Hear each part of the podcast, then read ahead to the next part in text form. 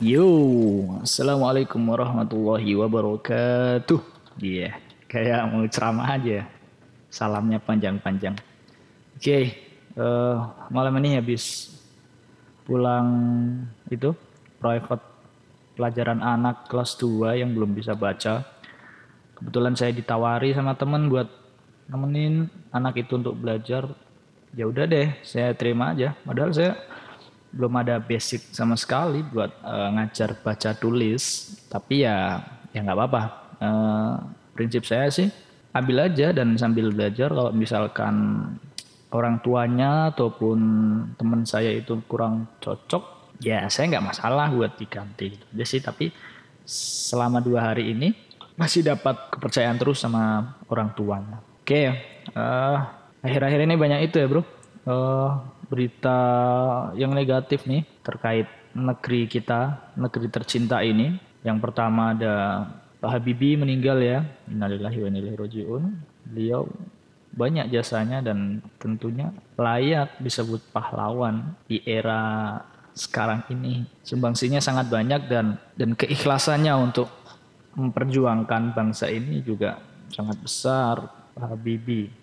Dan ada lagi revisi Undang-Undang KPK yang menjadi bahasan hangat di publik, padahal ya publik nggak nggak apa nggak dapat untung ruginya dari itu. Mau direvisi apa enggak skeptis aja sih kalau masyarakat biasa itu kan. Faktanya pejabat itu korup itu. Itu yang yang dipahami saya atau masyarakat pada umumnya. Dan yang ketiga itu lebih parah lagi dan ini menjadi harusnya menjadi concern utama terkait kebakaran hutan di Riau ya. Yang saya dengar dari berita dan share-sharean dari teman saya dari daerah Riau itu memang kondisinya cukup parah sampai sekolah diliburkan, ada kampus diliburkan. Dan ada satu video itu yang viral ada ibu-ibu atau seorang wanita jatuh oleng itu dari motor gara-gara kabut asap yang sangat tebal.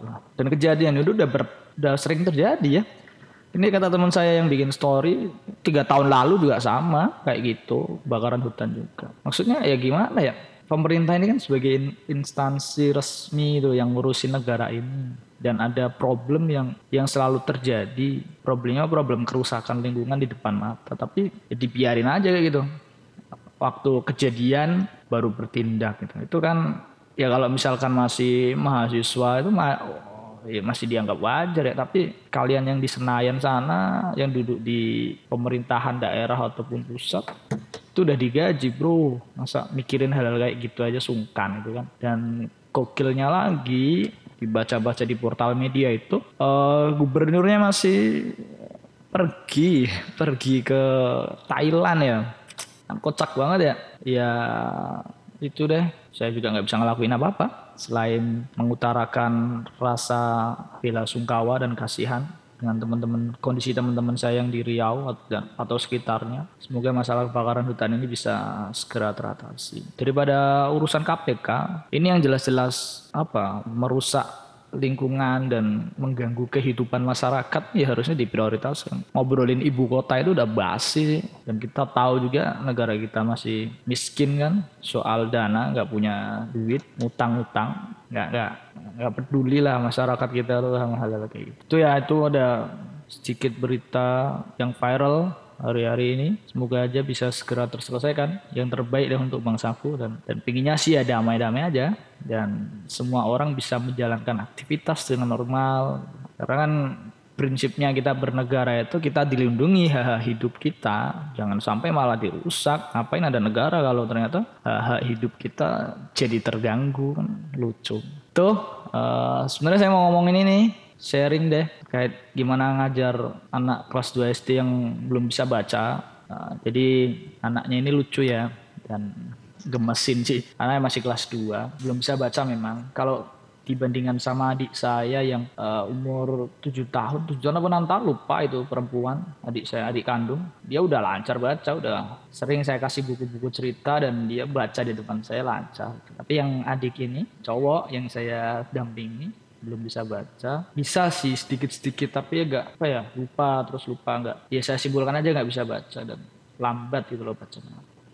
Dan memang ketika apa dikasih pelajaran itu kurang konsentrasi. Saya juga pernah menemui hal kayak itu waktu ngajar di LHI ya sama. Tapi yang saya sukai di apa amanah saya yang baru ini adalah orang tuanya percaya sering sharing gitu. Dan dan saya juga merasa nyaman kalau dipercaya itu dikasih tanggung jawab untuk nemenin adiknya buat belajar nah, mungkin teman-teman kalau misalkan ada tips ataupun saran yang bagus terkait gimana ngajar anak-anak yang belum bisa baca dan harusnya dari usianya memang sudah bisa baca bisa lah kasih tahu ke saya.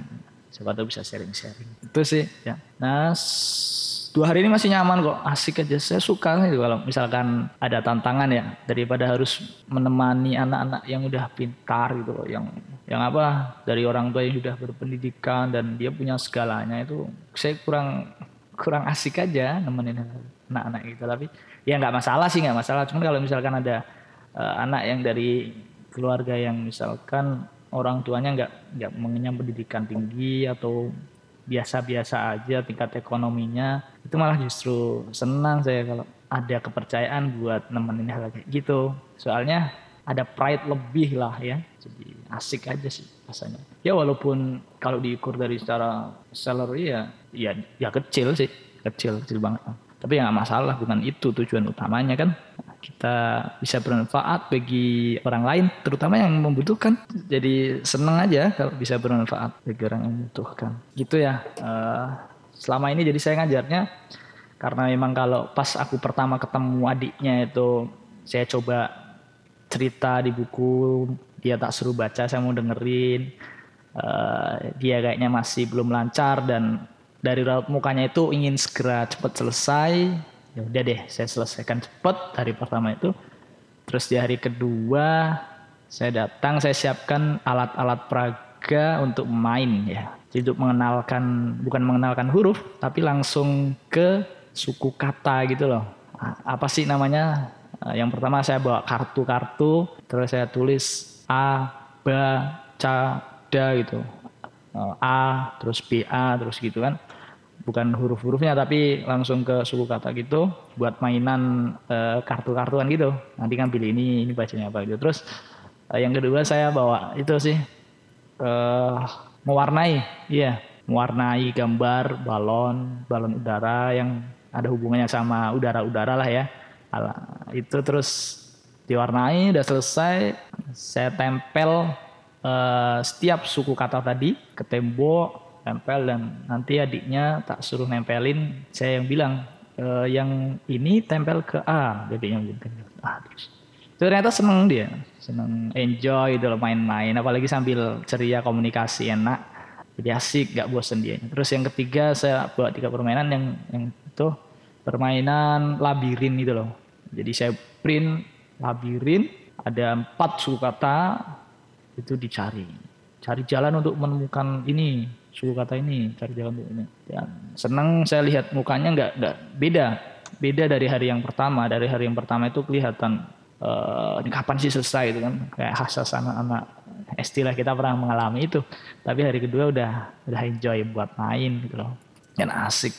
Senang kalau saya lihat anak-anak yang enjoy itu loh. walaupun nggak nggak apa nggak terlalu paham-paham banget nggak masalah sih kalau kalau saya ya. Karena Iya dia masih anak-anak, anak-anak ya seperti anak-anak pada umumnya ingin main main PS, ingin main bola. Kalau kita orang tua kan konsentrasi, duduk, diam, dia nggak bisa disamakan. Kalau dianya nggak nyaman ya malah susah. Jadi mending nyaman dulu aja untuk hasil kan bisa bertahap itu. Yang penting kita terprogres dan ada target sih dari kita sendiri. Itu ya, uh, ya itu ya dari saya deh pulang kerja ini bisa buat sharing. Kalau misalkan teman-teman ada uh, bisa bantu terkait gimana sih caranya biar adiknya ini bisa cepat terbantu, bisa cepat bisa baca.